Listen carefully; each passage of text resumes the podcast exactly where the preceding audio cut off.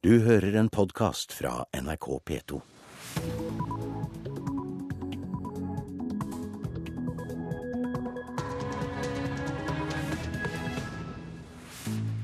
Velkommen til Nyhetsmorgen. Klokka er 6.30. Programleder i dag er Anne Gjertlund Hansen, og dette er våre hovedsaker. Forslaget fra programkomiteen i Høyre om å endre abortloven møter sterk motstand hos noen av de fremste abortekspertene her i landet.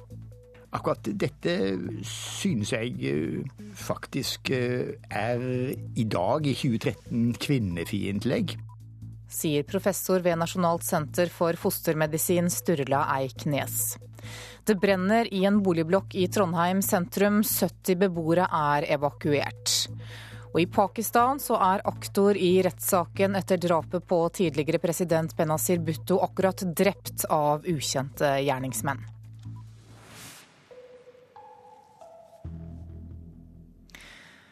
Forslaget om å endre abortloven møter sterk motstand hos noen av de fremste abortekspertene her i landet. Programkomiteen i Høyre har gått inn for at alvorlig sykdom hos fosteret ikke skal være en selvstendig grunn til å få abort etter uke tolv, og i helga så skal landsmøtet stemme over forslaget. Dette forslaget innebærer ingen innstramming i forhold til det som er dagens praksis eller dagens vektlegging av kvinnens eh, syn. Han vil likevel endre abortloven, leder i Høyres programkomité Bent Høie. I dag får kvinner som bærer et foster med alvorlige skader, abort etter uke tolv. Men programkomiteen vil at kvinnens livssituasjon skal med i regnskapet når abortnemndene tar sin avgjørelse. Jeg ser det som en innstramming. Et så vanskelig spørsmål, det bør familien selv ta stilling til. Sier professor og leder i Rådet for legeetikk, Trond Markestad. Han er motstander av forslaget, og frykter ulik behandling fra nemnd til nemnd. De vil fjerne eh, paragraf 2 c ut fra en forestilling om at det virker diskriminerende at denne står der. For meg virker det åpenbart at det vil skje en innstramning nettopp fordi at abortnemnda må forholde seg til en helt annen måte til kvinnene. Det betyr jo at de må ta opp dette spørsmålet og virkelig gå inn på kvinnene og familiene. For på en måte å utdype, vurdere om dette er en rettmessig abortsøknad som bør innvilges. Det er klart det vil kunne føles, føles som et press. Lørdag skal partiet stemme over det kontroversielle forslaget. Høyres kvinneforum vil beholde abortloven sånn som den er i dag. Det vil også flere fylkeslag. Professor ved Nasjonalt senter for fostermedisin, Stula Eiknes, har jobba med abortspørsmål i 40 år. Kvinner må jo da møte for en abortkomité. Det er en vanskelig prosess å, å, gjøre greie for sin livssituasjon og sine innerste grunner for å også ville avbryte svangerskap. Og akkurat dette synes jeg eh, faktisk eh, er i dag, i 2013, kvinnefiendtlig. Og eh, det synes jeg eh, setter kvinner i en veldig vanskelig situasjon å måtte gjøre greie for dette. I overkant av 200 kvinner får årlig innvilga abort etter paragraf 2 c, den delen av abortloven Høyre vil fjerne. Vil færre bli abortert hvis denne loven eh, går gjennom?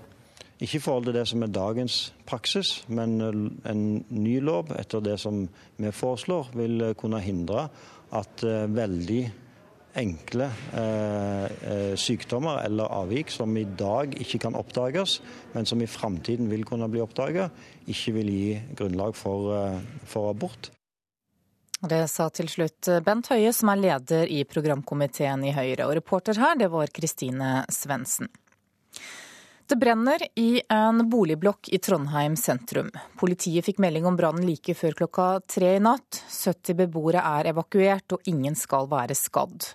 Slukningsarbeidet pågår akkurat nå, og med oss nå reporter Tom Erik Sørensen. Hvordan ser det ut på stedet i øyeblikket?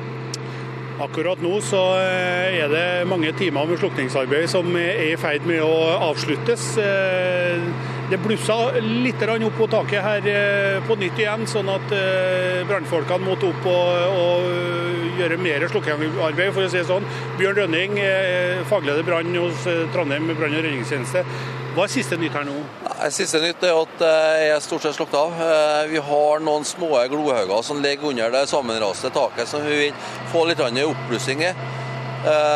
Men det er stort sett slukket av, så vi har full kontroll på brannen. Du var først ut på dette brannstedet her, og eh, de 70 beboerne som var inne i bygget, som bor i bygget, det ble raskt evakuert, og alt gikk etter boka? Alt gikk etter boka. Et brannvarslingsanlegg inne i blokka her som tydeligvis har virka som det skulle. Eh, det sto mye folk ute på fortauet når vi kom. Eh, men vi er aldri sikre på at vi har fått ut alle. Eh, så vi måtte jo inn her og begynne å gjøre et stykke arbeid. Men vi måtte også ta hånd om brannen. Eh, vi satte på en overtrykksventilering, så vi fikk trykt røyken som var på vei ned i blokka, oppover. Og Ergo så fikk vi frigitt eh, alle etasjene for politiet til å søke raskt gjennom leilighetene. Hva gjør dere nå her? Nå eh, vil vi fortsatt være her med en del folk for å foreta etterslokking. Vi har fått tak i et saneringsfirma som vil komme etter hvert for å begynne å ta, seg, ta hånd av alle verdiene som er i leilighetene her, pluss i det som er i butikklokalene. For her er det snakk om store verdier. Ja, for, og Her brukte dere mye vann, så hele blokka er nesten gjennomtrukket av vann. Ja, vi var nødt til å bruke mye vann her eh, for å ta hånd om brannen. Eh, for han blussa jo veldig kraftig opp på øversida av bygget til oss. Der har vi tett trehusbevegelse tett innpå, så vi måtte bruke mye vann. For vi ville ikke ta noen sjanse på at det gikk eh, opp gjennom der. Det ble altså avverga en storbrann i, i, Trondheim. Både innsatslederen hos politiet og faglederen hos brann sier at det nærmest er en brann etter boka. Takk skal du ha, reporter Tom Erik Sørensen, som altså er på stedet i Trondheim der det brenner i en eh, boligblokk. Politikerne i Bodø får kraftig kritikk fordi de fortsatt ikke har vedtatt noen tiltak som kan hindre flere overfallsvoldtekter i byen. I mars utsatte politikerne å behandle en rekke forslag, og satte i stedet ned et utvalg. Og først i dag, etter mange uker, så har dette utvalget sitt første møte. Advokat Kristin Hammervik, som representerer ett av voldtektsofrene, er skuffet. Eh, jeg forstår det sånn at man har ganske høye ambisjoner, og det finnes et eh, forslag til innstilling og ulike tiltak eh, som kommunen ser for seg kan bidra. Men så skjønner jeg det sånn at dette er utsatt og utsatt, og at man ikke har kommet i gang med det arbeidet. og Det syns jeg er veldig skuffende. I mars skulle bystyret i Bodø ta stilling til en rekke forslag for å hindre overfallsvoldtekter. Bakgrunnen var flere anmeldelser av voldtekter ute på byen. En lang liste med tiltak ble presentert, bl.a. bedre belysning og tidligere skjenkestopp. Men saka ble utsatt, og i stedet ble et utvalg med representanter fra alle partier satt ned. Ordfører Ole Hjartøy fra Høyre lovte rask behandling. Ved neste formannskapsmøte så vil i alle fall dette være til politisk behandling. Men lite har skjedd, og først i dag samles utvalget. Terje Krutsjank er Venstre sin representant. Nei, Jeg synes det er veldig beklagelig. Altså, både på egne vegne og altså at, at, at, at, det ikke skjer noe. Eh, det, det, er urovekkende. Jeg tror nok at det er en slags vegring mot å bli enig, og en vegring mot å ta noen prioriteringer i et veldig vanskelig spørsmål. Hva som kommer ut av møtet i dag gjenstår å se, men advokaten håper på handling. Når jeg ser på den lista over forslag til tiltak, så er det fryktelig mye der som egentlig kunne vært iverksatt med en gang. Det krever ikke noe videre utredning av verken det ene eller det andre, og det koster heller ikke spesielt mye penger. Reporter var Kari Skeie. Ombygde smuglerbiler som blir beslaglagt må destrueres. Det mener Ulf Leirstein fra Fremskrittspartiet. Natt til 1. mai så ble ni av bilene som ble brukt til smugling over Svinesund av store mengder alkohol og sigaretter i april, stjålet fra en parkeringsplass ved tollstasjonen. Det skal ikke gå an, sier Leirstein. Med en gang så tenkte man det hørtes litt sånn komisk ut, eh, men egentlig så er det ganske alvorlig. For mange av disse bilene er, som blir brukt til smugling er ofte eh, bygd om. Så hvis disse bilene nå er i funksjon igjen, så er én ting er smuglingen, men det andre er faktisk at de også kan være trafikkfall og utgjøre en stor fare i trafikken. Sier Ulf Leirstein, som sitter i Stortingets justiskomité for Fremskrittspartiet. Bilene som ble stjålet 1. mai, stammer fra det store smuglerbeslaget i Østfold 14. april. De sto lagret på en parkeringsplass ved tollstasjonen på Svinesund. Det er ikke godt nok, mener Leirstein. Har man tatt eh, smuglerbiler som er ombygd for formål å smugle, så må man rimelig fort, framfor å kaste bort eh, lagerplass på sånne biler, sørge for at de destrueres, også eh, bilopphuggeri, raskest mulig. Her viser disse en frekkhet uten like, og de nærmest håner vårt politi og vårt tollvesen ved å ta seg til rette sånn. Sier nestleder i justiskomiteen på Stortinget, Arbeiderpartiets Jan Bøhler. Han er likevel ikke sikker på om destruering er løsningen. Det kan være mange måter å sikre bilene på, så de ikke får stjålet dem tilbake. En måte er det Ulf Leirstein foreslår, andre måter kan være å sikre dem andre steder i landet osv. Men det vi er helt enige om er at dette må ikke få gjenta seg. Bilene må sikres når de er beslaglagt, og de må ikke få lov til å håne vårt politi og vårt tollvesen på den måten. Reporter var Hermund Lybekk Kjernli. Hardere straffer mot utenlandske smuglere i Østfold kan føre til økt smugling gjennom Hedmark i stedet. Det frykter Henning Klauseie, som er tillitsvalgt for politiadvokatene i Hedmark. Nylig så fikk altså en polsk smuglerbande i Østfold inntil to og et halvt års fengsel for organisert kriminalitet. Samtidig har politiet i Hedmark sluttet å varetektsfengsle mange smuglere for å spare ressurser. Og dette kan føre til at smuglerne endrer sin rute inn i Norge, mener Klauseie. Ja, Østfold har gjort et eh, ganske banebrytende arbeid nå i 2013 etter at de stoppet en eh, kolonne med et titalls eh, polske smuglerbiler etter Svinesund. De har fått fengselsstraffer fra ett år og ti måneder til to og et halvt år. Dommen fra Halden tingrett i begynnelsen av april kan tenkes å ha satt en støkk i de velorganiserte smuglerbandene fra utlandet.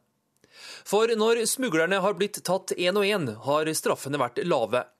Men denne gangen ble de ti polakkene tatt samtidig, og har blitt dømt som én organisert gruppe. Og da spratt straffenivået kraftig i været, opp til to og et halvt års fengsel. Politiadvokat Henning Klauseie er tillitsvalgt for politijuristen i Hedmark, altså de som tar ut tiltaler og fører rettssaker i domstolene. Han er godt fornøyd med den ferske mafiadommen mot de polske smuglerne, men samtidig frykter han at det er Hedmark som får smuglersmellen framover. For omtrent samtidig med dommen fra Østfold ble det kjent at varetektsfengsling av utenlandske smuglere skal reduseres kraftig i Hedmark. Disse endringene snapper smuglerne kjapt opp, mener Klaus Eie. De er meget profesjonelle. De driver med etterretning og spaning for å finne ut når og hvor det er kontroll. De kriminelle de er som andre markeder. De reiser dit det er best mulighet for å lykkes, og der hvor oppdagelsesrisiko og straff er lavest. Men politimesteren i Hedmark, Tormod Bakke, ser ikke umiddelbart den samme faren.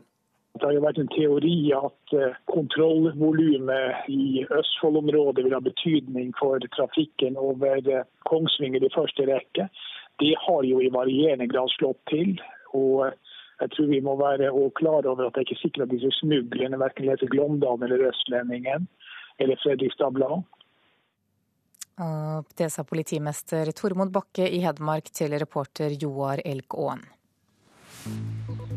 Du hører på Nyhetsmorgen i NRK P2 og Alltid nyheter. Klokka er 6.43. Dette er hovedsaker i nyhetene i dag. Forslaget fra programkomiteen i Høyre om å endre abortloven møter sterk motstand hos noen av de fremste abortekspertene her i landet.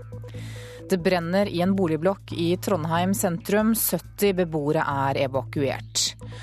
Og Nasjonalmuseet får ikke låne Munch-bilder som finnes i Bergen til 150-årsjubileet i Oslo.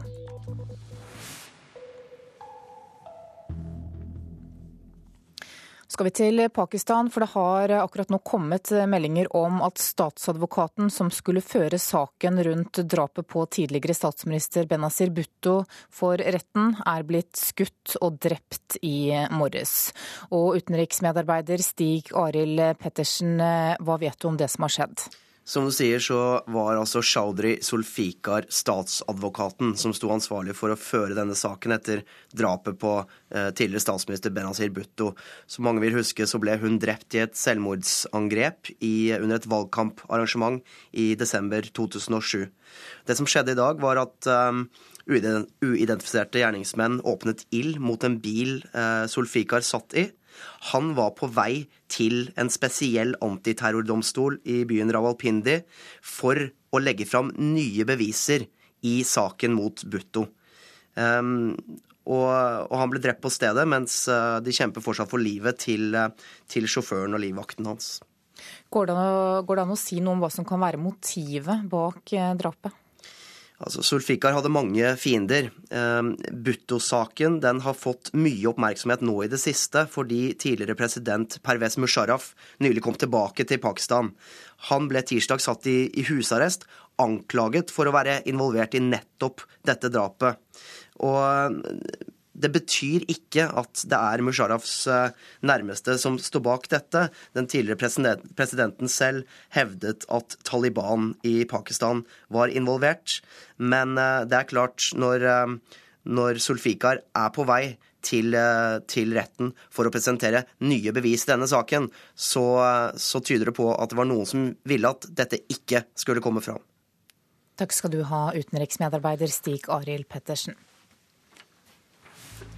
Da skal vi ta en kikk på dagens aviser, og Høyres landsmøte som starter i dag, preger mange av forsidene. NHO-sjef Kristin Skogen Lund advarer Høyre i Dagsavisen i dag. Hun mener det er en torpedo mot norsk næringsliv dersom Høyre både går inn for kontantstøtte og en fritt fordelt fødselspermisjon. Strammer grepet om velgerne er overskriften i Nasjonen. Høyre-leder Erna Solberg er tilbake som nordmenns foretrukne statsministerkandidat, mens Jens Stoltenberg mister oppslutning. Klassekampen har gjort en undersøkelse som viser at et klart flertall av velgerne ikke tror at en borgerlig regjering vil svekke arbeidernes rettigheter. Oppslaget i Vårt Land handler om Høyres abortpolitikk, som vi også har hørt om her i Nyhetsmorgen i dag. Kristin Clemet mener det er rart at abortloven skal være immun mot endringer. Nå står kampen om paragrafen som gir mulighet til senabort på fostre som er eller kan bli alvorlig syke.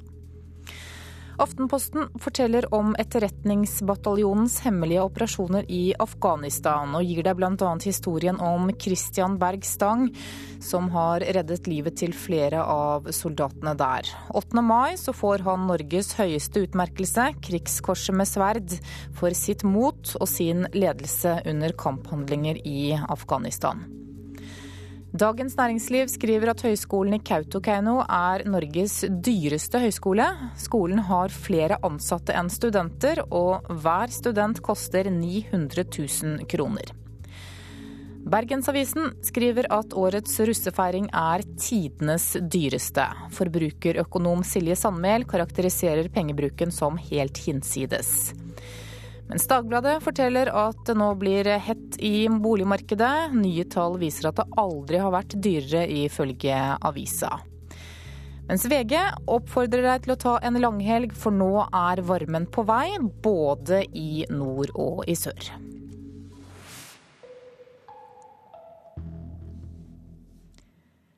I dag starter ishockey-VM i Sverige og Finland. Forventningene til det norske landslaget er store etter at vi har kommet til kvartfinalen i de to foregående mesterskapene. Og ishockeykommentator her i NRK, Trond Johnsen, hva er forklaringen på at Norge har gjort det så bra? Ja, først og fremst så har det vært hardt arbeid gjennom eh, mange år. Vi har vært nedlagt mye trening. Det riktig trening, og det har vært målbevisst arbeid blant ungdommen. Og dette har ført til at våre spillere har blitt attraktive også på det utenlandske markedet. Mange norske spillere spiller nå i svensk serie. Det gjør dem bedre. Svensk ishockey er eh, et hakk eller to over oss. Av den VM-troppen vi sender til eh, Stockholm nå, så er det 14 av de 25 spillerne som er i troppen, spiller i svensk eh, ishockey. Og det sier litt at norske ishockeyspillere er, eh, er, gode nok, er interessante også for utenlandske klubber. Vi har to spillere i KHL, altså Continental Hockey League i Russland. Én i Finland, én i Tyskland. I Tyskland har det vært eh, også flere andre spillere tidligere som har gjort det bra. Og dette har gitt norsk hockey ikke bare et godt rykte, men det har gjort spillerne våre gode.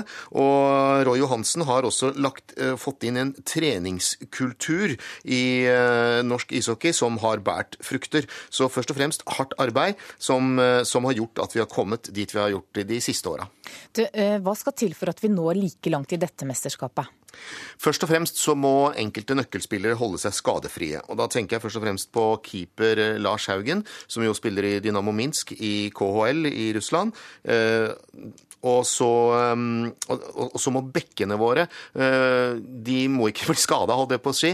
Vi har uh, litt tynt på bekksida. De norske bekkene Vi har få gode, for å si det på den måten. Slik at det er nøkkelspillere som Jonas Holøs, Ole Kristian Tollefsen, Mats Trygg f.eks.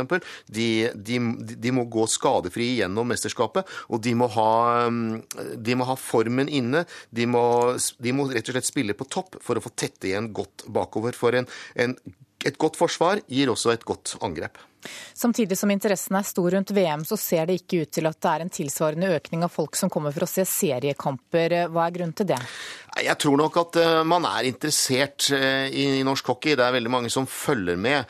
Men eh, man må huske på at gjennom vinteren fra midten av september og ut til midten av mars ca., så er det jo det er mange kamper. Lagene møtes i hvert fall fire ganger. Fem ganger skal de møtes gjennom sesongen. Og så har det også blitt et lite skille mellom de bedre lagene og de skal vi si, litt dårligere lagene. Og, og, og, og jeg tror også at det er mange som de, de, de, følger med, men de går ikke for å se at laget sitt taper. De må ha litt suksess. Stavanger har jo hatt suksess nå, de ble jo norske mestere. Og jeg tror eh, så, Det skillet der, mange kamper, gjør at folk nok velger ut enkelte kamper de, de vil se. Takk for at du var med i Nyhetsmorgen, ishockeykommentator i NRK, Trond Johnsen. Da skal vi høre at eh, Nasjonalmuseet ikke får låne Munch-bilder som finnes i Bergen til 150-årsjubileet i Oslo. Kunstmuseene i Bergen sier at bildene ikke tåler transporten. Og så skal den eh, bare sentreres, rett og slett. Munch-bildene har nettopp kommet til Bergen igjen, etter å ha vært utstilt i Danmark. Nå pakkes de ut og skal henges opp. På lørdag åpner kunstmuseene i Bergen en ny og permanent Munch-utstilling. I utgangspunktet skulle dette vært lånt til, eh, til Oslo Nasjonalmuseum. Erlend Høyersten, direktør for Kode, kunstmuseene i Bergen, står foran bildet 'Sjalusi'. Dessverre så måtte vi velge å holde det tilbake pga. den tekniske standarden eh, i, i bildet. Det, det, man er redd for her, det er jo nettopp at, at malingen ytterligere skal begynne å flasse av. Sjalusi og kvinne i tre stadier er en del av Munchs sentrale verkserie Livsfrisen. Verken de to eller Landgangsbroen og Selvportrett 1909 vil bli lånt ut til Nasjonalmuseet. Disse maleriene her er enormt svære og må håndteres med ytterst forsiktighet. Høyersten mener at bildene ikke tåler transporten, og blir derfor ikke en del av utstillingen Munch 150, som er Nasjonalmuseets hovedutstilling i jubileumsåret. Audun Eckhoff, direktør for Nasjonalmuseet, er ikke fornøyd. Ja, Det er synd at vi ikke får de tre bildene, av tekniske grunner. Eh, de skulle være med i en eh, presentasjon av eh, Munchs livsfrise, som er en veldig viktig del av hans totale verk. Kunstmuseene i Bergen og Nasjonalmuseet skal ha inngått en avtale om utlån av bildene for en tid tilbake. Nei, Vi var ikke tilfreds med det, naturligvis. Det er ingen som ønsker at man ikke får de bildene man søker om, men, men i dette tilfellet hadde vi jo en avtale, naturligvis. Men sånn er det. Harald Enerud, kunstformidler og ekspert på Munch, sier at Livsfrisen i sin helhet ville vært en publikumsmagnet. For verkserien er den viktigste i kunstnerens karriere. I 1889 så, så var det starten på hans eh, livsverk, da, som han holdt på med hele livet. Og han gjentok en del av disse motivene også utover på 1900-tallet. Angst og frykt og ensomhet men også glede og ekstase. Hvis du eh, trekker ut plasten nå blir de fire bildene stilt ut i Bergen, og i Oslo blir ikke jubileumsutstillinga helt optimal. Så det har absolutt ingenting med, med mangel på velvilje. Det er rett og slett at uh, vi må sørge for at dette overlever også til neste generasjon. Reportere her var Kaja Kristin Næss og Turi Rogne. Dersom det blir OL i Oslo i 2022, så skal kultur være en viktig del av vinterlekene. Det lover OL-komiteen. I dag så inviteres det til idémyldring for å få frem gode forslag til hva kulturprogrammet eventuelt bør inneholde. Vi ønsker nå å sette et fokus på hva kan eh, kultur bety inn i de olympiske og paralympiske leker i Oslo i 2022. Eli Grimsby har fått tittelen OL-direktør, og arbeider for fullt med å få vinter-OL til Oslo. I dag inviterer hun alle som vil til møte i Operaen for å finne ut hvilken rolle kulturen kan ha og bør spille dersom det blir OL. Welcome to London and to the games of the 30th Olympiad. Åpningsseremonien under sommer-OL i London i fjor var en eneste stor feiring av britenes politiske, industrielle og kulturelle historie.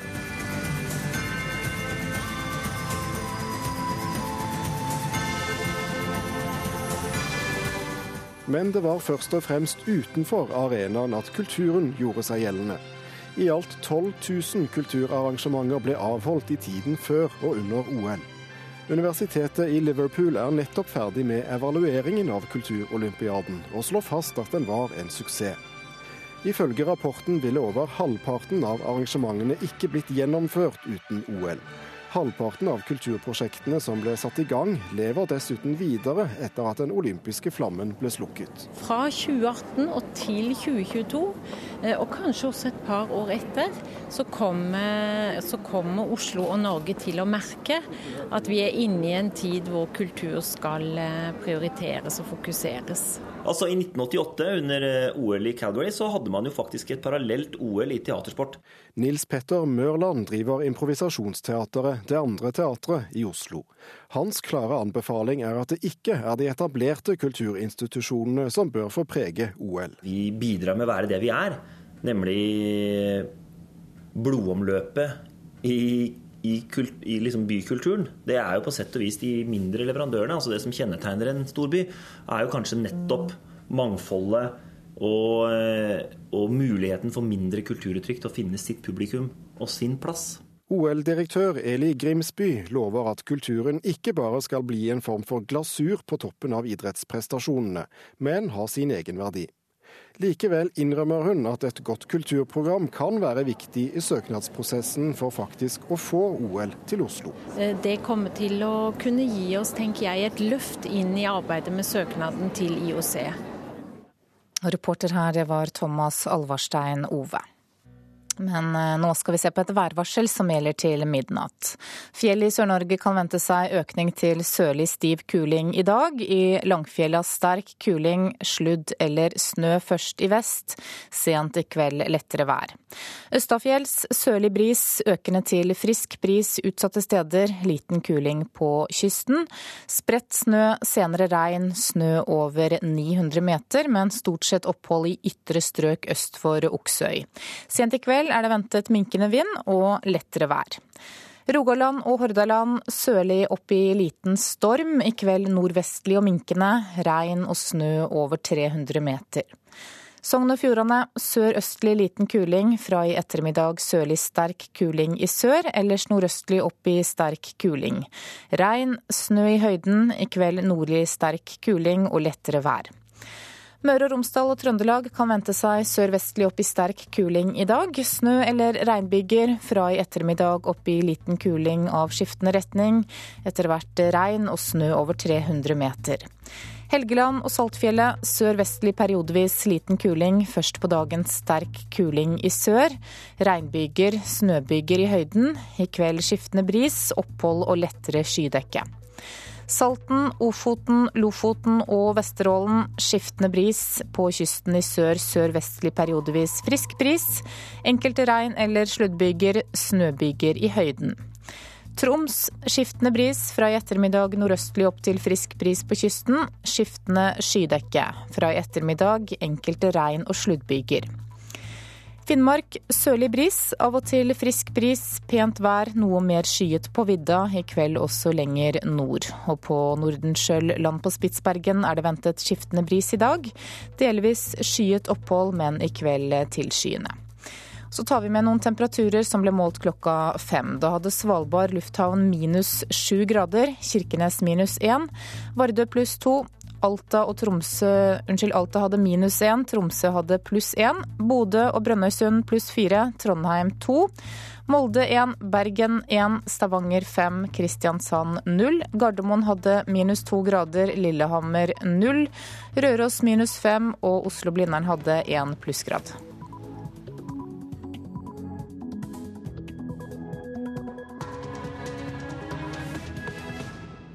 Klokka er sju. Du lytter til Nyhetsmorgen med Anne Jetlund Hansen i studio. Her er en nyhetsoppdatering. Grasrota i Høyre vil gjøre det mindre attraktivt å gå på trygd ved å belønne de som går på jobb. Den viktigste saken er et uh, jobbskattefradrag uh, for, uh, for, alle som er i jobb. Så vil si at du får 500 kroner i måneden dersom du er i jobb. Sier leder i Unge Høyre, Paul Joakim Sandøy. Høyres forslag om å endre abortloven møter sterk motstand hos aborteksperter. Kvinner som bærer et foster med alvorlige skader skal ikke lenger ha rett til abort etter uke tolv, ifølge forslaget. Jeg ser det som en innstramming. Et så vanskelig spørsmål, det bør familien selv ta stilling til. Sier professor Trond Markestad. Syria er det farligste landet i verden å være journalist i akkurat nå, ifølge Amnesty. Brann i Trondheim førte til at flere enn 70 beboere ble evakuert. Brannvesenet har nå kontroll over eh, flammene. Og flere angrer på tatoveringen sin og får den fjernet. Kortvarige forhold er én av gjengangerne, sier Drude Gilen ved Drammen laserklinikk. Det kommer også folk hjem fra ferie som har tatovert et navn. Så det navnet er to uker gammelt og skal fjernes. Det, det var kanskje ikke sånn det skulle være. Nyhetsmorgen. Grasrota i Høyre gjør opprør mot skatte- og arbeidslivspolitikken på helgens landsmøte. Målet er å gjøre det mindre attraktivt å gå på trygd. Og det skal gjøres ved at alle i jobb får 6000 kroner i ekstra skattefradrag. Den viktigste saken er et uh, jobbskattefradrag uh, for, uh, for, alle som er i jobb. Så vil si at du får 500 kroner i måneden dersom du er i jobb. Den viktigste saken, sier altså Paul Joakim Sandøy. Unge Høyre-lederen vil gi 500 kroner i månedlig skattelette til alle som kommer seg på jobb. Sykmeldte og trygdede skal forstå at de taper penger. Ingen blir friskere av straff, svarer SVs Karin Andersen. Jeg opplever at Høyre er et parti som tror eh, de som har jobb og mye, motiveres av å gulrøtter og få mer, og at de som har lite, må motiveres med å, at man strammer inn ytterligere på dem. Det er gammel høyrepolitikk, og jeg opplever at den lever i beste velgående i Høyre. Men fra forslagsstillernes side så er ikke dette ment som en straff av noen, det er jo mer en premie til de som da går på jobb? Ja, jeg skjønner det. Og de, Høyre har jo alltid tenkt sånn at de tror at de som har, skal premieres med mer, mens de som har lite, de skal, prem, de skal liksom motiveres ved å, å, at man strammer inn. Ungdomspartiet og ni fylkeslag har signert forslaget. Høyre-ledelsen og Bent Høie håper de stemmes ned. Jeg mener det er unødvendig å gjøre det norske skattesystemet mer komplisert ved å innføre et eget jobbskattefordrag i tillegg. Høyres forslag om å øke bunnfradraget har den samme effekten som Unge Høyre sitt forslag, men det gjør skattesystemet ikke mer komplisert. Mens Sandøy vil at ledelsen skjerper skatteprofilen. Det er eh, særlig for eh, på lave og mellomstore inntekter, særlig lave inntekter, så ser vi at det enten ikke lønner seg å gå inn i jobb, eh, eller at det ikke lønner seg nok. Eh, og så kan jeg også være enig i at 500 eh, kroner i måneden ikke er kjempemye, men jeg tror det kan være en veldig eh, viktig start. Og i hvert fall tippe den vekta, da, sånn at det i hvert fall lønner seg litt mer å jobbe enn også utenfor arbeidslivet. Reportere her, det var Lars Nehru Sand og Siv Sandvik. Generalsekretær Liv Arum i Funksjonshemmedes Fellesorganisasjon, velkommen. Takk. Mange i Høyre ønsker altså et belønningssystem for folk som er eh, friske og i jobb. Hva syns du om dette forslaget? Eh, jeg tenker at eh, da er Høyre lite oppdatert på hva som hindrer folk å komme i arbeid. Fordi det er helt andre ting enn den private økonomien som stenger funksjonshemmede utenfor arbeidslivet. Det står altså 84 000 funksjonshemmede utenfor arbeidsliv som ønsker seg inn i arbeid, og de kommer ikke i arbeid. Så her er det helt andre forhold enn kroner som For jeg tror, jeg tror, de aller fleste uføre, eller de som står utenfor arbeidslivet, faktisk vet at det lønner seg å jobbe. Ja, Hva er det Høyre ikke har fått med seg, da, som du mener er det viktigste? Nei, altså Vi har hatt eh, f.eks. ti år med IA-avtalen, hvor det har vært eh, fokus på å få flere funksjonshemmede i arbeid. Det har man ikke klart. Men det Stortinget faktisk har gjort, er jo å vedta en sysselsettingsstrategi for eh, funksjonshemmede under 30 år. Det er en strategi som beskriver helt konkrete, praktiske tiltak. Sånn at man skal bidra til at folk lettere kommer i arbeid. Og mye ligger i Nav, selvfølgelig. Altså, vi må ha et rammesystem som fungerer. Eh, folk må få veiledning. Eh, men de største hindringene de ligger faktisk i arbeidslivet. Så hvis man skal dele ut gulrøtter, så tenker jeg at det er arbeidsgivere som heller skal få de gulrøttene. På hvilken måte da? Man kunne jo f.eks. vurdert å fjerne arbeidsgiveravgiften i bedrifter som, eh, hadde, som synliggjør at de ansetter funksjonshemmede. Men dette her eh, forslaget fra Høyre, eller fra noen i Høyre eh, går vel ut på at, eh, at de som samvittighetsfullt går på jobb og aldri skulker unna, bør få en belønning. Det kan jo komme som et supplement. Hvorfor skal de ikke få det? Jeg tenker at vi som er så heldige å jobbe, vi får belønning nok. Og vi har, altså De vanlige belønningssystemene i arbeidslivet, det er faktisk lønn. Så jeg, jeg tenker at eh, folk som er i arbeid, eh, har en stor fordel i forhold til de som faktisk står utafor. For jeg opplever jo at det Høyre eh, prøver å bidra til, er jo at de som står utenfor arbeidslivet, kommer inn. Men da er det helt andre grep man må gjøre enn eh, skattefradrag for de som er innafor. Men hvordan vet du at et slikt belønningssystem ikke kan virke motiverende for noen? For fordi vi vet gjennom forskning og dokumentasjon en god del om de hindringene eh, som folk møter når de eh, prøver å komme ut i arbeid. Vi har eksempler på at eh, folk har sendt altså titalls søknader. Og det, har, det, er mennesker med høyere utdanning uten å komme til intervju engang. For hvis du dokumenterer i søknaden at du faktisk trenger tilrettelegging, så kommer du Du blir ikke henta inn i, i prosessen engang. Eh, og, og, da tenker jeg at det er den type eh, ting man må gå inn og forsøke å endre. Takk for at du kom til Nyhetsmorgen, eh, Liv Arum i Funksjonshemmedes Fellesorganisasjon. Vi tar med at du møter Høyre-leder Erna Solberg, som er gjest i Politisk kvarter i dag i forbindelse med Høyres landsmøte. Da skal vi til LO-kongressen, som også starter i dag. Én kvinne og én mann kjemper om å bli LO-leder. Fellesforbundet er tungen på vektskålen i ledervalget, men Industriforbundet har utmerket seg i LO-familien med en ledelse uten en eneste kvinne. Forbundsleder Arve Bakke er likevel åpen for en kvinne som ny LO-sjef. Ja, vi kan eh, støtte en kvinnelig eh, LO-leder. Det har jo vi gjort eh, tidligere.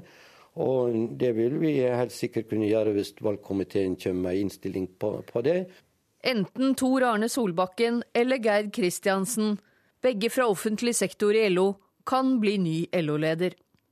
Fellesforbundets leder Arve Bakke har ikke sagt hvem han foretrekker, men dårlig samvittighet, det har han. Og så har eh, i alle fall lederen av Fellesforbundet litt sånn dårlig samvittighet, fordi at eh, landsmøtet hos oss ikke evner også å velge ei jente inn i, i ledelsen. Men vi får jo rette opp det ved neste korsvei, da.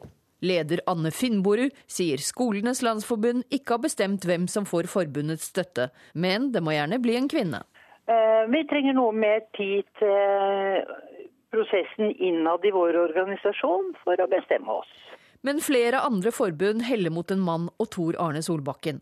De mener han har mest greie på privat industri. Jeg har foreslått Tor Arne Solbakken, og mener han gjennom eh, å ha vært nestleder i NTL har fått innsikt i hele bredden av vår medlemsmasse, og dermed også alt fra universitets- og høyskoleansatte til, eh, til eh, folk på renhold og på rørleggere, som han selv er. Sier leder av Norsk tjenestemannslag Jon Leirvåg om sin kandidat.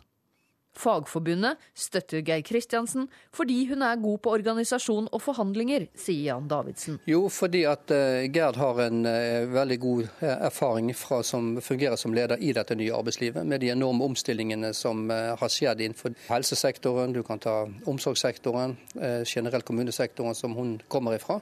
Det er åpent for hestehandel om posisjonene når valgkomiteen legger kabalen til ny ledelse på LO-kongressen fra i dag.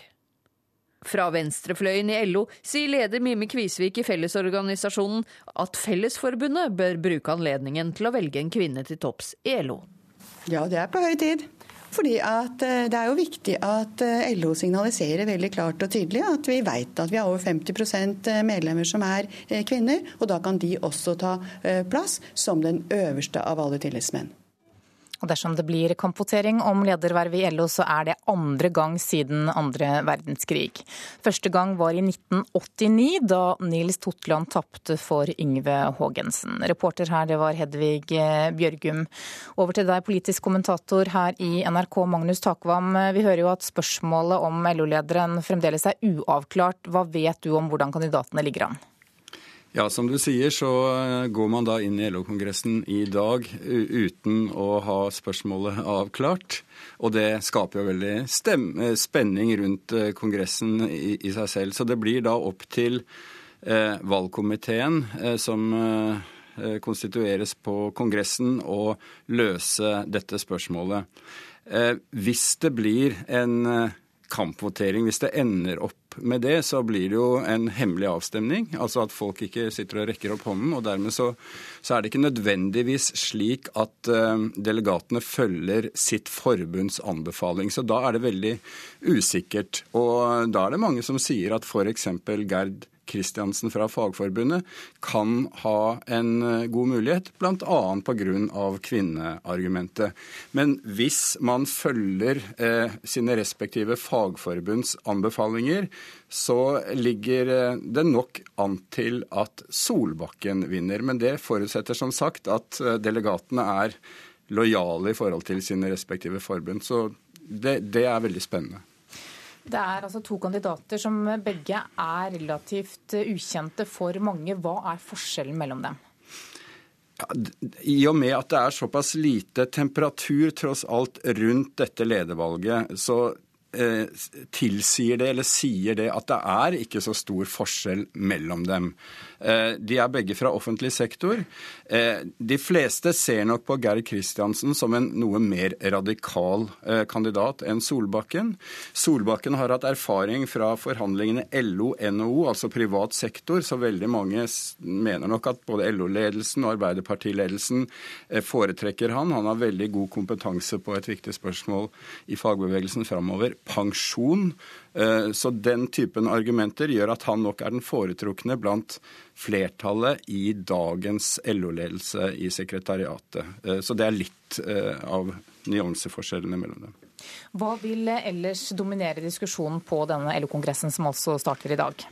Altså, selvfølgelig vil det faktum at vi er i et valgår, ligge som et bakteppe. Og særlig på søndag, tror jeg, da statsminister Stoltenberg kommer, og Flåten også skal snakke, begge to liksom kjøre i gang valg, valgkampmaskineriet eh, før høstens valg, det vil ligge der som et eh, bakteppe med brodd mot en potensiell høyredominert regjering. Ellers så er det de kjente temaene om EØS.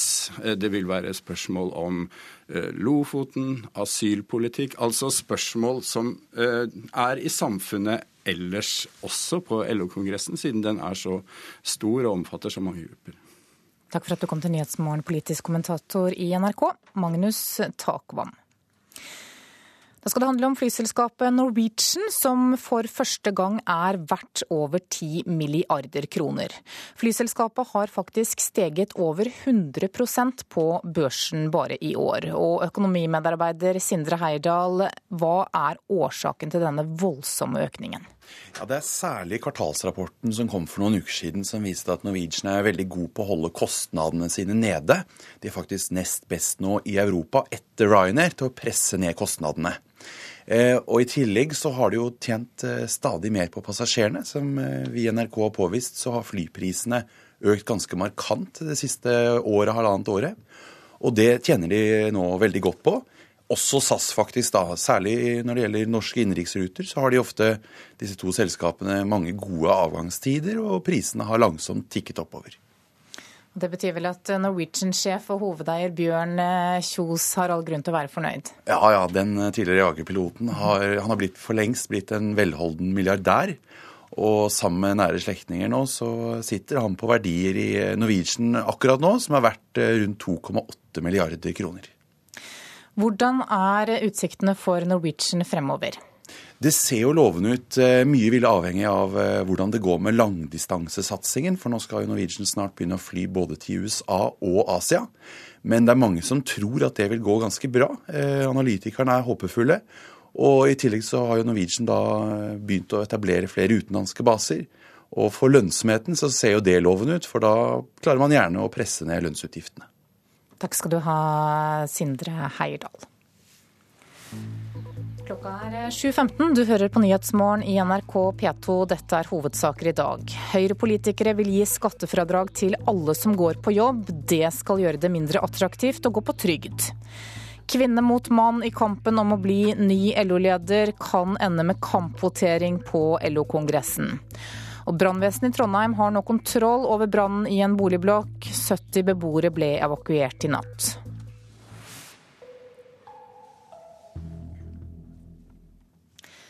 I dag så er det verdens pressefrihetsdag, og mange steder i verden så er det svært farlig for journalister å gjøre jobben sin. I det borgerkrigsherjede Syria har derfor amatørjournalister stått for mye av dokumentasjonen av krigshandlingene. Et skjelvende bilde av Damaskus i solnedgang. Allahu akbar. 26.4.2013, nabolaget Barsa al-Balad. Et rakettangrep dokumenteres av amatører med kamera. Slike opptak har vært sentrale i dokumentasjonen av en blodig borgerkrig i Syria, der over 70 000 menneskeliv har gått tapt. Men både slike borgerjournalister som dette og profesjonelle journalister løper en stor risiko ved å arbeide i Syria. Syria er det farligste landet i verden å være journalist i akkurat nå, skriver menneskerettighetsorganisasjonen Amnesty International i en rapport som de slipper i dag på den internasjonale pressefrihetens dag. Noen av journalistene som må bøte med livet, er korrespondenter for store internasjonale TV-kanaler og nyhetsbyråer men de aller fleste er lokale journalister som ikke har noe sted å flykte. 46 syriske journalister har blitt drept de siste to årene. Svært mange er blitt utsatt for målrettede angrep fra både myndigheter og opposisjonen. Men til tross for bortføringer, tortur og henrettelser fortsetter unge syrere å dokumentere grusomhetene. For uten stemmene som kan fortelle om krigen i Syria, ville det være som om den ikke eksisterte. Reporter her var Stig Arild Pettersen. Over til deg, Midtøsten-korrespondent Sigurd Falkenberg Mikkelsen. Du har vært flere ganger i Syria. Rapporten fra Amnesty dreier seg jo hovedsakelig om lokale journalister. Men hvordan er det å jobbe som utenlandsk korrespondent i Syria? Det er ekstremt eh, krevende. Det er noe av det vanskeligste og mest eh, utfordrende man kan gjøre som eh, journalist for tiden. Det er først og fremst sikkerhetsutfordringen. Det er en krig med liten respekt for menneskeliv. Veldig brutal. Og det gjelder jo også for journalister. I opprørskontrollert område har det vært et særlig problem med kidnappinger. Eh, mens på myndighetssiden så har det vært vanskelig å få eh, tillatelse til å bevege seg eh, fritt. Sånn at det er en avstand i rapporteringen i denne konflikten som gjør at vi som oftest må ta forbehold når vi prater, fordi vi ikke har vært førstehåndsvitner selv. Jeg kom til byen Tremse i fjor, like etter at det da hadde blitt begått en påstått massakre. Jeg kunne konstatere at det hadde blitt begått åpenbart grusomheter, men han var ikke i stand til å være der lenge nok til å virkelig å se i detaljer hva som hadde skjedd. Eh, og det siste f.eks. nå med kjemiske våpen, eh, så er det jo fortsatt stor usikkerhet til eh, om de brukt, om de har blitt brukt, men særlig da av hvem og eventuelt hvordan. Hvor viktig er det for partene i en konflikt som denne her å, å styre informasjonen? Nei, Det er klart det er viktig. I enhver konflikt så ønsker jo de stridende partene å framstille sin versjon av sannheten, av virkeligheten. De kjemper jo med livet som innsats og ser jo bare den ene siden, naturlig nok. Eh, på myndighetssiden så merker man det eh, tydeligst. Eh, de er tilbakeholdne med tillatelser. og Sist jeg var i Homs på myndighetssiden, så hadde jeg følge av to biler med etterretningsagenter og soldater. Så det sier seg selv at det er vanskelig, om ikke umulig, å, å gjøre en god journalistjobb der. På opprørssiden så har man også merket en tendens til at de vil gjerne framstille seg selv i et visst lys, som frihetskjempere som kjemper mot overmakten. Men det er klart det begås jo også overgrep eh, på den andre siden, og, og menn ikke i samme omfang. Eh, også I det siste så har du også islamistsiden styrket seg. Eh, og De er jo ikke veldig interessert i vestlige journalister uansett. Så det er en ekstra utfordring der nå. Har du noen gang fryktet for ditt eget liv når du rapporterer fra Syria? Man vet jo aldri helt hva som skjer i Syria. Altså, det kan være uforutsette ting, så det er alltid en fare forbundet med å være der. Eh, jeg har selv vært spart for de mest eh, ubehagelige opplevelsene. Eh, men jeg satt en gang i Tartus ved kysten, der russerne har sin marinebase. Etter et intervju med havnedirektøren så sa, sa han satt jo og drakk kaffe, og så sa han hvordan, hvorfor er du her, er du ikke redd? Så sa jeg at, forklarte jo at jeg var kommet som utenlandsjournalist, og så sa han men Eh, du er jo et gyllent mål for begge sider i denne konflikten. Eh, og det er ganske talende for, eh, for, for utfordringene alle journalister utsetter seg for når de prøver å dekke det som skjer i Syria. Men Samtidig vil jeg understreke at det er også ekstremt viktig, fordi dette er vår tids mest brutale og konflikt, og med, med, store konsekvenser for den syriske sivilbefolkningen, og også for Midtøsten som, som helhet. Takk skal du ha, Midtøsten-korrespondent Sigurd Falkenberg Mikkelsen. I Sverige er tre personer funnet døde etter en eksplosjon og en brann i en leilighet i Sundbyberg nord for Stockholm. Brannen brøt ut rundt klokka fire i natt og ble meldt av naboer som hørte eksplosjonen. I Pakistan har væpnede menn drept statsadvokaten som har etterforsket drapet på Benazir Bhutto. Shodri Sulfikar ble skutt i hovedstaden Islamabad. Drapet skjedde da han satt i bilen sin på vei til retten. Han skulle føre saken rundt drapet på tidligere president Benazir Bhutto, som altså ble drept i 2007. April var den dødeligste måneden i Irak siden juni 2008. Over 700 mennesker er drept og 1600 såret i forskjellige angrep og kamper.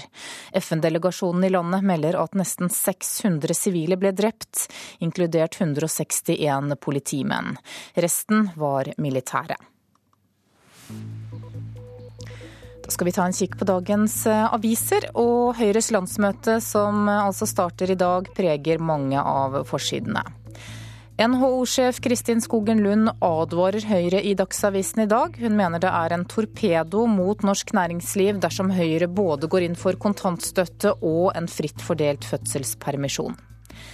Strammer grepet om velgerne er overskriften i Nasjonen. Høyre-leder Erna Solberg er tilbake som nordmenns foretrukne statsministerkandidat, mens Jens Stoltenberg mister oppslutning. Klassekampen har gjort en undersøkelse som viser at et klart flertall av velgerne ikke tror at en borgerlig regjering vil svekke arbeidernes rettigheter. Oppslaget i Vårt Land handler om Høyres abortpolitikk. Kristin Clemet mener det er rart at abortloven skal være immun mot endringer. Nå står kampen om paragrafen som gir mulighet til senabort på fostre som er eller kan bli alvorlig syke.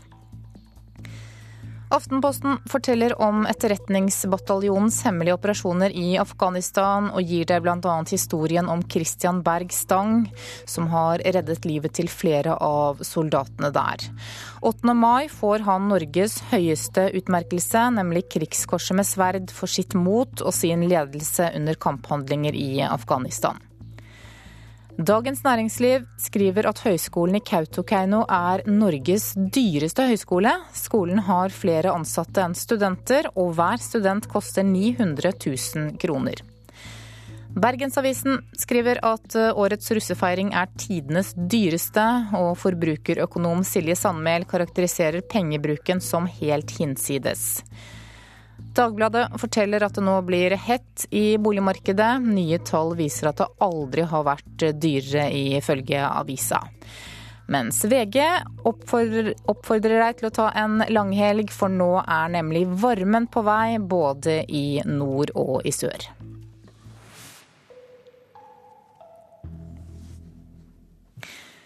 Tatoveringen av en svær drage på ryggen, eller navnet på den tidligere kjæresten din, kan ha virket som en god idé en gang, men er det kanskje ikke nå lenger. Stadig flere angrer på tatoveringene sine, og det har Drammen laserklinikk fått merke. De har hatt stor pågang av folk som ønsker å få tatoveringene sine fjernet. Hei, det er Drammen laserklinikk. Hva kan jeg hjelpe deg med? Det er nok å gjøre om dagen. Kunder ringer, og kunder er på vei inn og ut døra. Mange av dem vil fjerne en tatovering, og Sandra Hundershaugen, som sitter på venterommet, er blant en av dem. Fordi jeg syns han er for stor. For stor, ja. ja hva slags tatovering er det? Kan vi få se på den, eller? Ja. Se, her er under, litt under skulderen, på baksida av armen. Der er det, ser det ut som et vers, masse skrift. Hva er det for noe, egentlig? Det er thailandske lykkeskrifter. Ja, Hva står det der, da? Det står at du skal ha hell i familien og hell i livet. Og ja, det er forskjellige ja, lykkeskrifter. da.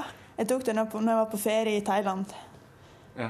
med bambus. og Da ville jeg oppleve det, da, hvordan det var. Og når jeg kom hjem igjen, så angra jeg på det. Og det er hun ikke alene om, ifølge daglig leder Drude Kilen.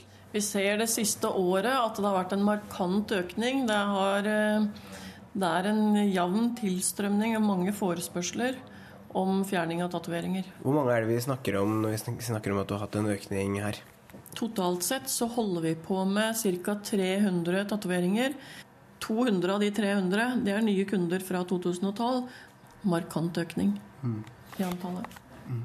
Hvorfor det, tror du? Det er nok flere årsaker til det. Eh, de angrer selvfølgelig. Noen angrer fordi tatoveringene er gamle og kanskje litt blass og sånn. Og andre angrer fordi de tatoveringene er tatt som en impulshandling.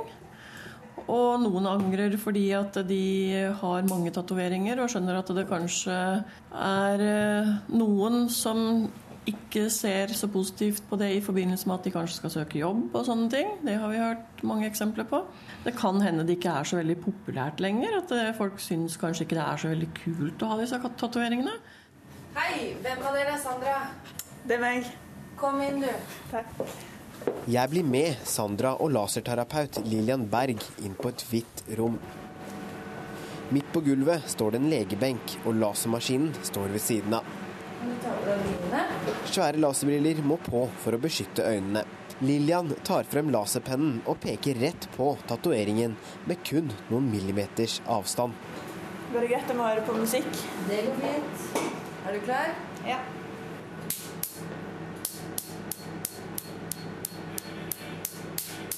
Sandra velger å se den andre veien og biter hardt sammen mens hun skrur opp volumet på iPhone.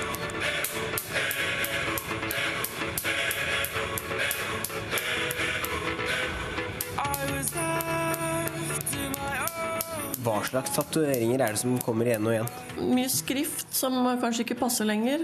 Tekster. Det kommer også folk hjem fra ferie som har tatovert et navn. Så det navnet er to uker gammelt og skal fjernes. Det, det, var kanskje ikke sånn det skulle være. Det er noen som har funnet seg den rette på ferie, og så var det ikke den rette likevel? Ja, det hender nok det.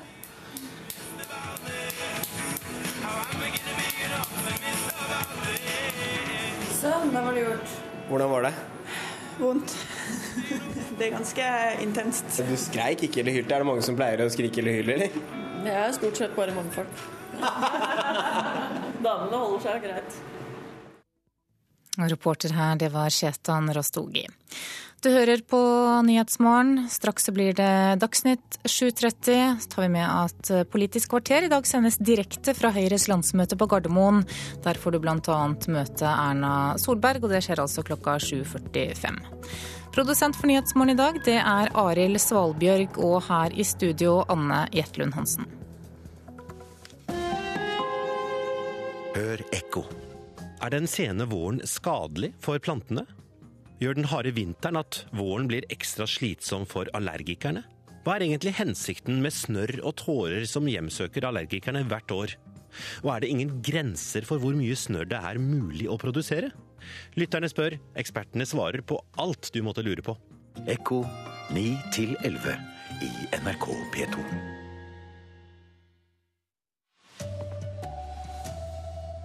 Folk bør få skattelette hvis de er i full jobb, det foreslår sterke krefter i Høyre. Trafikkfarlige smuglerbiler må ødelegges slik at de ikke kommer ut på veiene igjen, krever Frp-politiker. Det er helt åpent hvem som blir ny leder i LO. Riktig god morgen, her er NRK Dagsnytt klokken 7.30.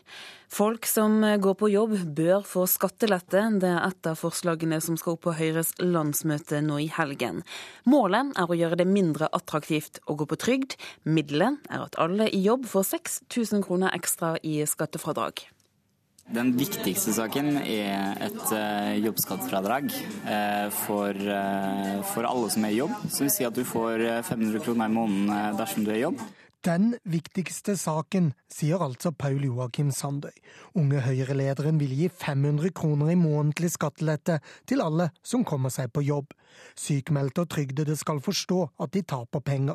Ingen blir friskere av straff, svarer SVs Karin Andersen. Jeg opplever at Høyre er et parti som tror at eh, de som har jobb og mye, motiveres av å gulrøtter og få mer, og at de som har lite, må motiveres med å, at man strammer inn ytterligere på dem.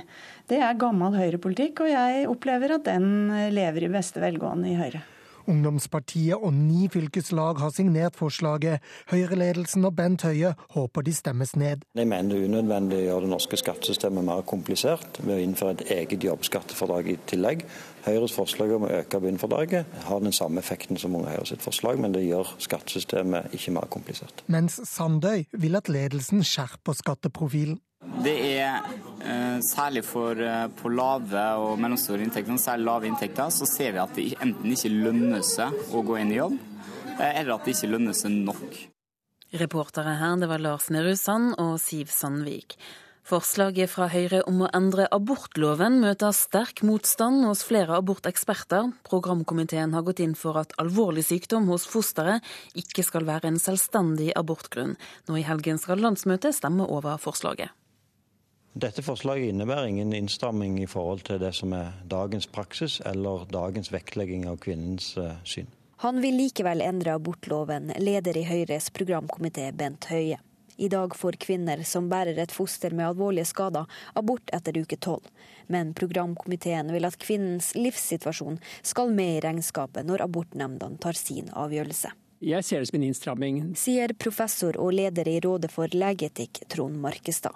Han er motstander av forslaget, og frykter ulik behandling fra nemnd til nemnd. Sykdom og funksjonsnedsettelse hos fosteret det oppdages så vidt sent at en abortsøknad må behandles av en abortnemnd. og Abortnemndene må da på en helt annen måte enn nå måtte stille kritiske spørsmål rundt hvorfor familien mener de må få innvilget abort, hvilke praktiske muligheter de har til å ta seg av et funksjonshemmet barn, og slike ting.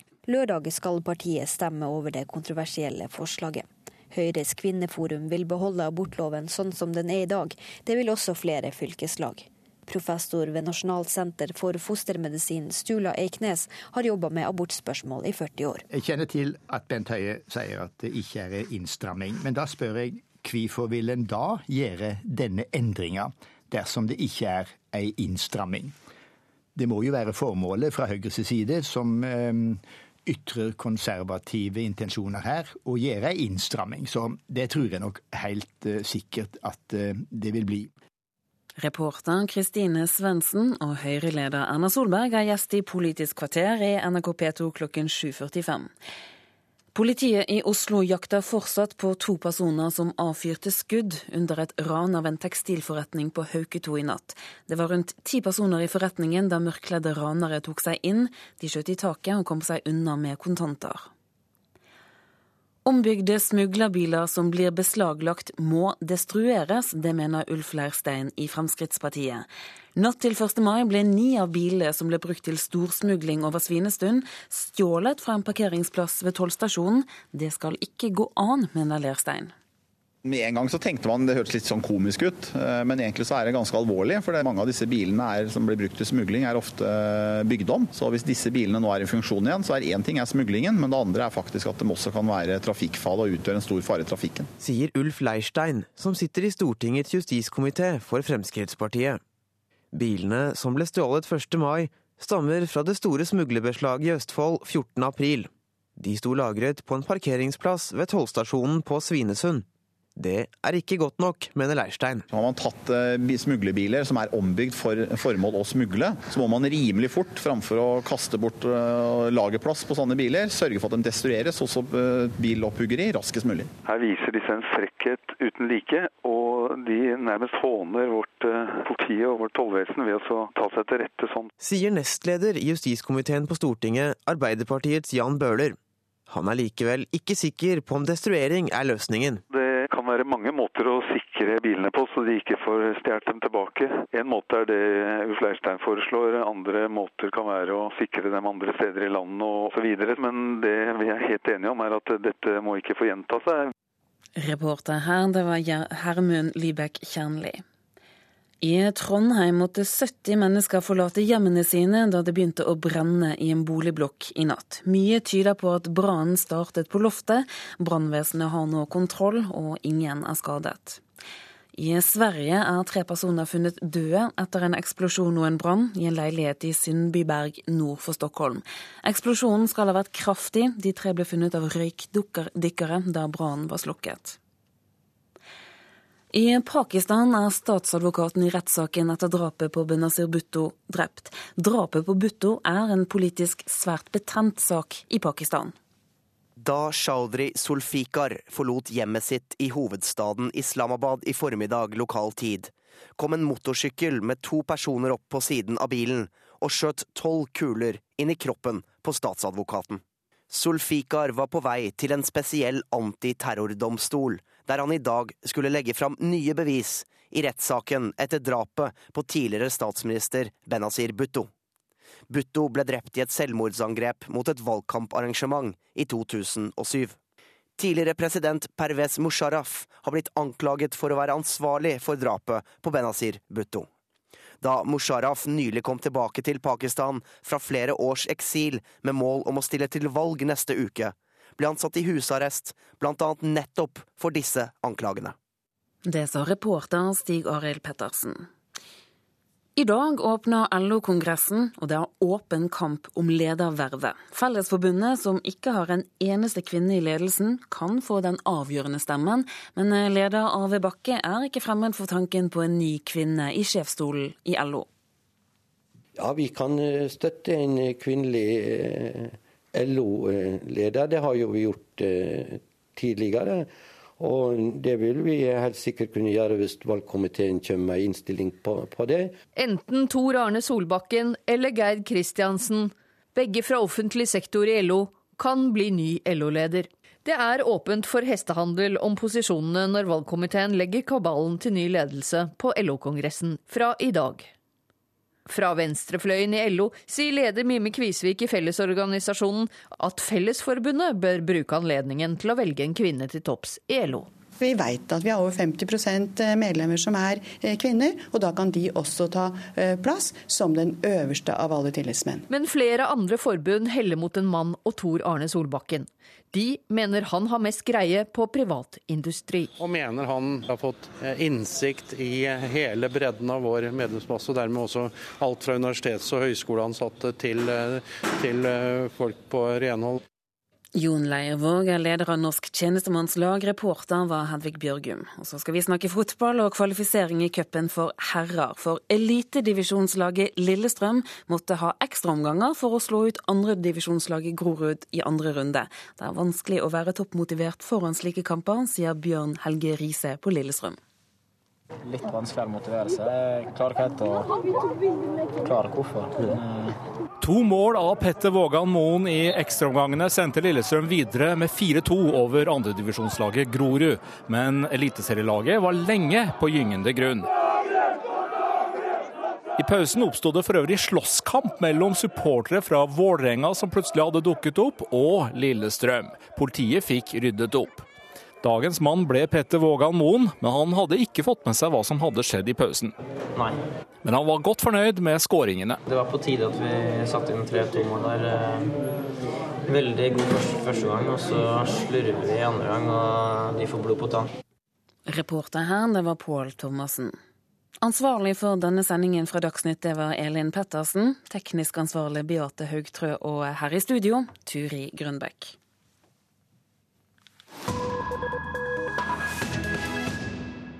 Klokka er 7.40 og Nyhetsmorgen fortsetter. Akkurat som kvinner i Norge har kjempet for å bli prester og biskoper, så kjemper også jødiske kvinner for likestilling, nærmere bestemt på jødenes helligste sted, nemlig klagemuren. Trusselen om sju år i fengsel stanser ikke kvinnene.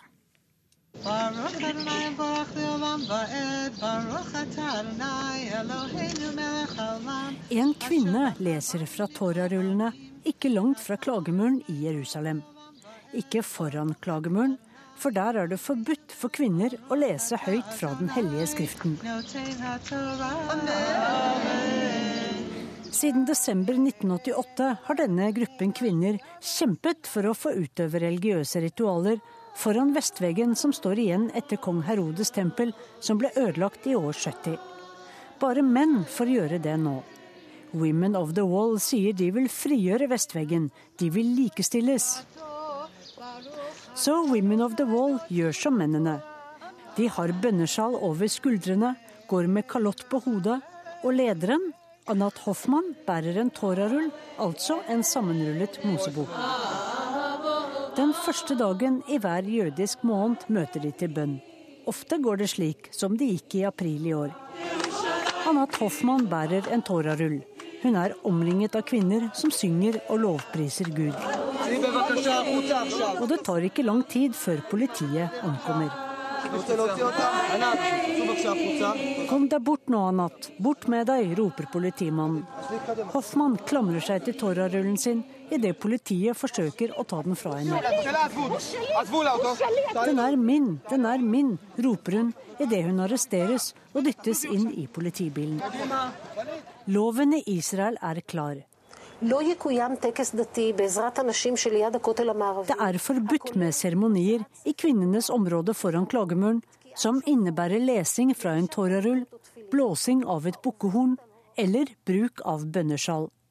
Et brudd på denne loven kan straffes med sju år i fengsel. Sju år, forklarer Hoffmann i filmen 'Women of the Wall' av Dan Katzir. De fire retningene innen jødedommen er ultraortodoks, ortodoks, konservativ og reform. Den liberale reformretningen, som er særlig utbredt i USA, tillater kvinnelige rabbinere.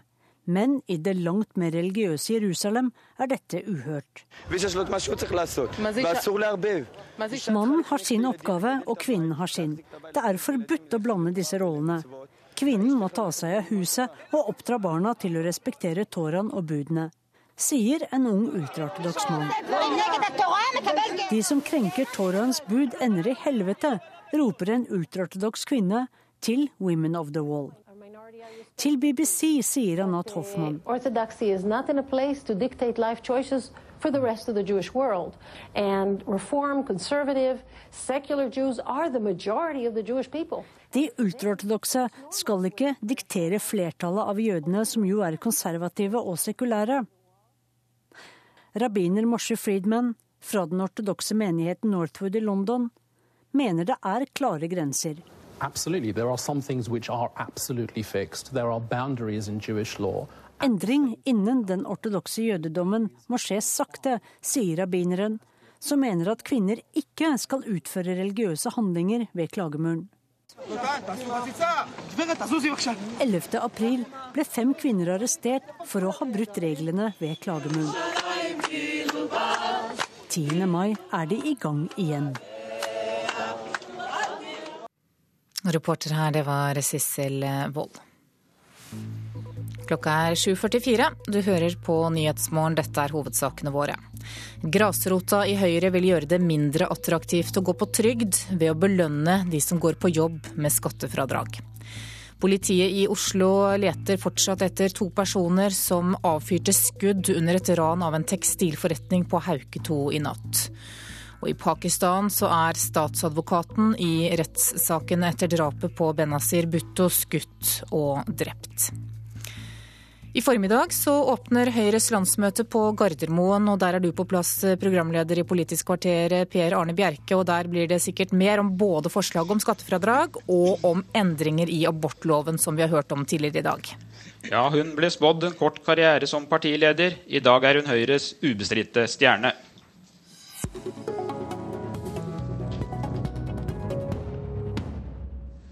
God morgen, Erna Solberg, og velkommen til Politisk kvarter, som i dag sendes direkte fra Høyres landsmøte på Gardermoen. I det første valget du hadde ansvaret for, i 2005, fikk dere bare 14% av stemmene. Og mange spådde at din karriere som partileder ville være over omtrent før den hadde begynt. I dag ligger Høyre an til å gjøre etterkrigstidens beste valg. Hvordan har du selv opplevd denne forandringen? Nei, altså, For det første var det 14,1. da. Jeg må huske den siste 0,1. Og så, det, det, jeg har opplevd, er jo et parti som eh, i 2005 bestemte seg for at eh, vi var nødt til å gjøre noe mer grunnleggende knyttet til eh, måten vi jobbet med politikk på. Og eh, gjøre tiltak for å gjøre partiet vårt eh, sterkere gjennom å bli bredere. Og det har vi jobbet systematisk med. Vi har systematisk jobbet med å se fremover på fremtidsløsningene. Vi har snakket om hvilke utfordringer vårt samfunn har, og så har vi systematisk gått gjennom område for område og tenkt både ny politikk, men også videreutvikling av gammel politikk.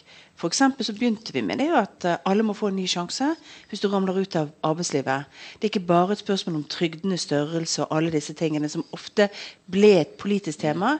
Det er like viktig å spørre fungerer helsevesenet vårt godt nok, fungerer skolevesenet vårt godt nok, hva med voksne med lese- og skriveproblemer. Så vi har utviklet mye ny politikk, og det er jeg veldig glad for. Ja, Høyre kommer jo fra høsten til å få mange nye representanter på Stortinget. og En av dem er deg, Tone Wilhelmsen Trøen, bosatt her på Øvre Romerike og nominert for Akershus Høyre. Under Erna Solberg så har Høyre da gjort flere elendige valg. Hvorfor tror du at hun nå lykkes, til tross for alle de dystre spådommene som kom for bare få år siden? Nå er jeg vel ikke helt enig i premisset om at vi har gjort flere elendige valg. Men jeg tror det handler om, ja, men jeg tror det handler om en partileder som, eh, som leder et parti som snakker mye om egen politikk. Vi snakker om uh, at det faktisk handler om politikk handler om mennesker og ikke milliarder. Og jeg, synes, jeg er jo spesielt opptatt av, uh, av helsesektoren. Og der har jo både Erna og Bent Høie eh, snakket godt, skapt mye ny, god politikk. Nye ideer og bedre løsninger for helsesektoren. Og det tror jeg også folk legger merke til. Vi skal komme tilbake til deg, Tone Trøen, men først Solberg. Som vi har hørt i Dagsnytt i morges, så vil Unge Høyre og flere av fylkeslagene i 500 kroner i skattelette til dem som er i jobb. Syns du det er et godt forslag å jobbe folk som vil jobbe? Og belønne folk som vil jobbe? Ja, jeg syns det er fint at vi belønner folk som vil jobbe. Jeg synes det er fint at vi gir skattelettelser til folk. Men akkurat dette forslaget det er lite målrettet. Det er ikke rettet inn bare mot de som går fra trygd til arbeid. Det har vi andre forslag på som vi har jobbet med lenge, som er mye mer målrettet. Dette er å bruke mye penger på et lite effektivt eh, skattetiltak. Det er også sånn at det vil ikke belønne den som jobber i heltidsjobb. Altså gå fra halvdag til heldag. Eh, så jeg syns jo at det skal belønne seg hele tiden når du jobber mer. Så du ber egentlig landsmøtet om å stemme ned dette forslaget fra ungdomsorganisasjonen og ni fylkeslag, da? Jeg mener vi kan ha betydelig, betydelig mer målrettede tiltak for å nå, nå, det vi ønsker, nemlig at færre skal være på trygd og flere skal eh, komme i arbeid. Og eh, dette er blant de tingene jeg syns smaker av litt sånn gammeldags høyrepolitikk, hvor man egentlig tenker ikke helt igjennom om man når målene med det man gjør. I løpet av de siste ukene så har eh, Kristelig Folkeparti og Venstre hatt landsmøter, og begge ønsker regjeringsskifte. Samtidig har sentrumspartiene store betenkeligheter med å sitte i en regjering med Fremskrittspartiet. Har du gitt opp med å få til en regjering der alle fire partier er med? Nei, det har jeg ikke. Men jeg vet utmerket godt at uh, de ulike partiene har litt ulike regjeringspreferanser. Altså hvem de helst har lyst til å sitte i regjering med. Jeg er veldig glad for at alle har lyst til å sitte i regjering med Høyre. Eh, men så tror jeg at det er viktig å tenke gjennom at alle fire partiene skal være fornøyd med ny regjeringspolitikk. Føle at de får gjennomslag for viktige saker når de er med på å skape ny regjering. Og Da kan vi sette oss ned etter et valg når premissene er gitt, og se er det nok fellespunkter som gjør at alle fire kan sitte i den regjeringen. Eller er det noen som velger å ikke være med, men likevel bidra til at den eksisterer.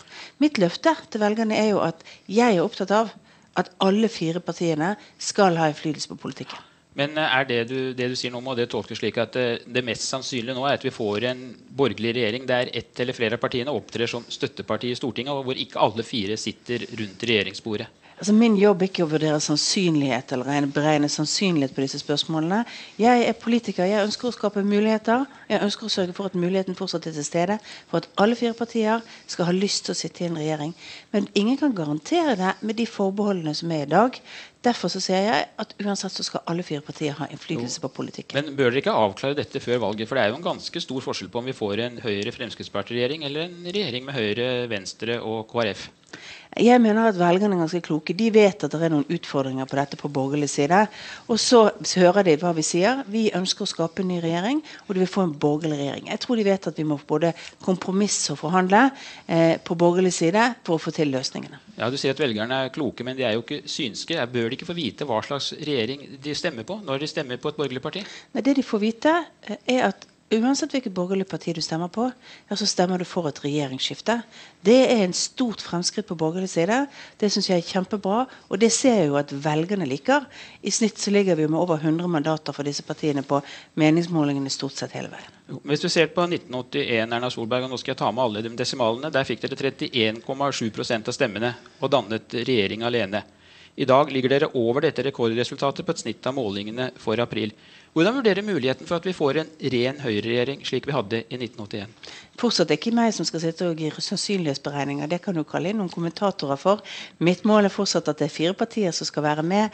Og så har jeg sagt veldig ærlig hvis en regjering er avhengig av å forhandle to veier, ja, så syns jeg det er bedre at den regjeringen bare må forhandle én vei, og at det sitter flere partier i regjeringen. Det hadde ikke vært greit å styre alene, så kunne dere ha fått støtte fra sak til sak i Stortinget? Hvis vi hadde hatt 50 eh, av stemmene, hadde det vært veldig fint å styre alene.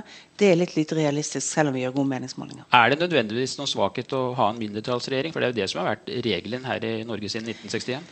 Det er ingen svakhet for politikken at det er mindretallsregjeringer hvis de kan klare å være, ha gjennomføringskraft på politikken sin. Det som er svakheten, er, er, hvis du ikke klarer å ha gode nok samarbeidsforhold til å ha langsiktighet i politikken. Det er også en svakhet å ha en flertallsregjering som i liten grad lytter, og dermed gjør arbeidsuhell på veien.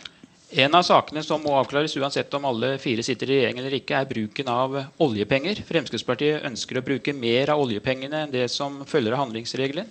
Står handlingsregelen for fall, eller er du en garantist for at en regjering under din ledelse skal følge handlingsregelen? Handlingsregelen står ikke for fall. Vi er opptatt av at vi skal føre en ansvarlig økonomisk politikk. Og handlingsregelen, begge deler av handlingsregelen er en, er en på en måte symbol på det i norsk politikk. Og Da er det både hvor mye penger du bruker, men også hva du bruker pengene til. Og Der mener jeg at denne regjeringen vi har nå, har brutt handlingsregelen hvert eneste år. Fordi de bruker ikke de ekstra pengene de tar inn i norsk økonomi, til å investere for fremtiden. Det var hele formålet, det. Når vi skulle fase inn mer av oljepengene i norsk økonomi. Det var at vi skulle bygge vår innenlandske konkurransekraft. At norske bedrifter ikke skulle ta kostnaden ved at vi brukte mer av oljepenger, men tvert imot få gleden av at det ga de mer konkurransekraft. Det har vi ikke gjort. Vi må tilbake på det sporet. Og der finnes altså enigheten mellom Høyre og Fremskrittspartiet, nemlig i hvor vi skal satse med penger. At vi skal gjøre det på forskning og utvikling, at vi skal gjøre det på infrastruktur. At vi skal sørge for bedriftsrettede skattelettelser som gjør at norske bedrifter og arbeidsplasser blir tryggere men, eh, fremover. Rent konkret, Betyr det at du kan bruke mer enn denne 4% dersom dette går til investeringer?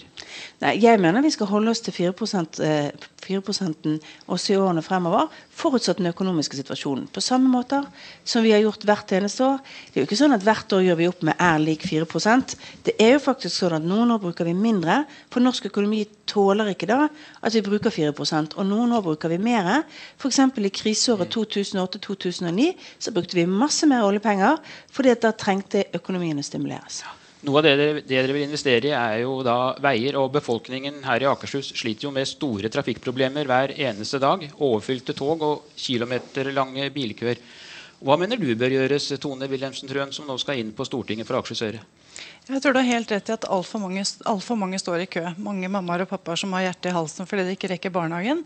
Fordi veiene ikke er, er gode nok. Jeg tror, gjøre, jeg tror, vi må gjøre, mye. Men vi må sørge for full intercityutbygging.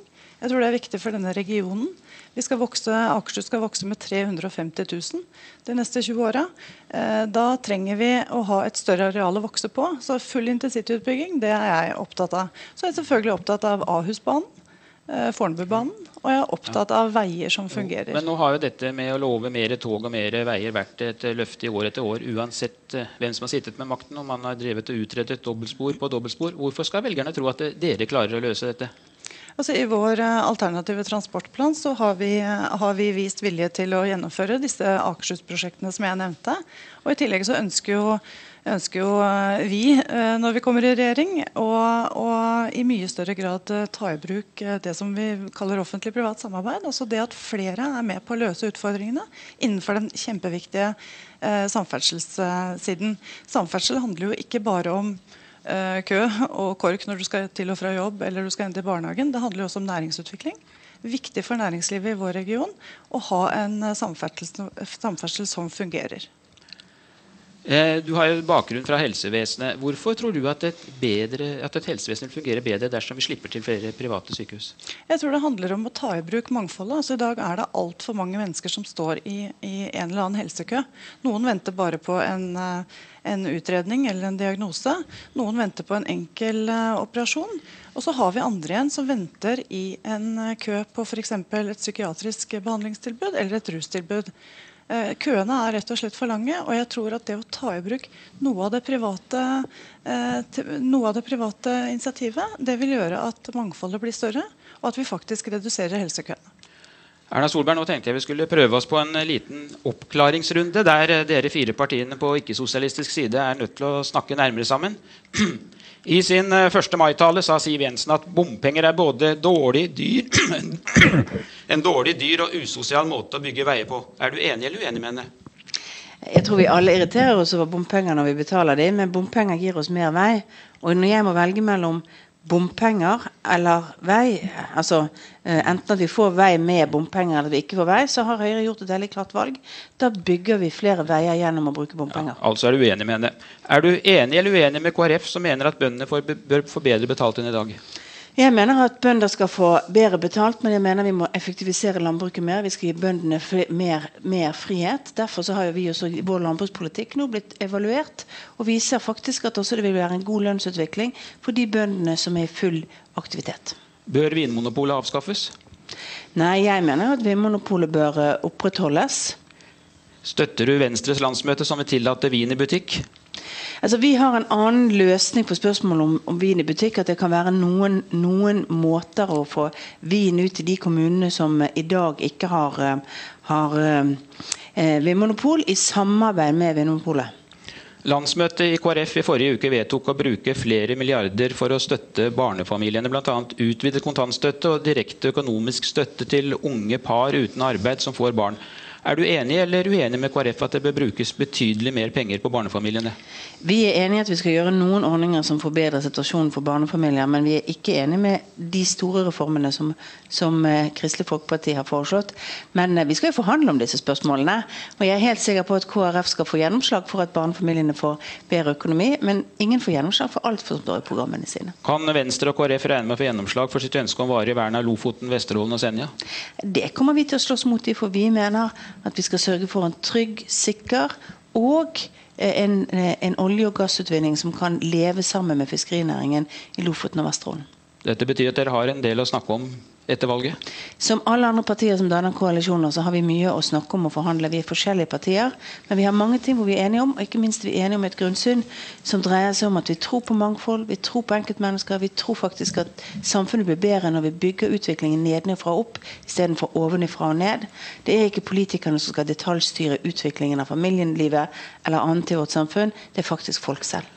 I dag ligger dere på over 32% på et snitt av de siste målingene. Hva er ditt verste mareritt med tanke på at det fortsatt er fire måneder igjen til valget?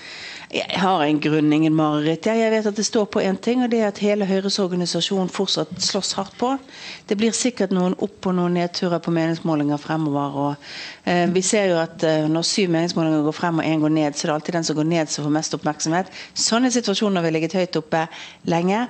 Men jeg er ganske sikker på at ved 9.9, hvis alle i Høyre er dødstrøtte fordi de har jobbet hardt, ja, så har vi et godt valgresultat. Takk skal du ha, Erna Solberg, og takk også til deg, Tone Wilhelmsen Trøen. Og det var eh, Politisk kvarter, som i dag ble sendt fra Høyres landsmøte på Gardermoen. Jeg heter Per Arne Bjerke.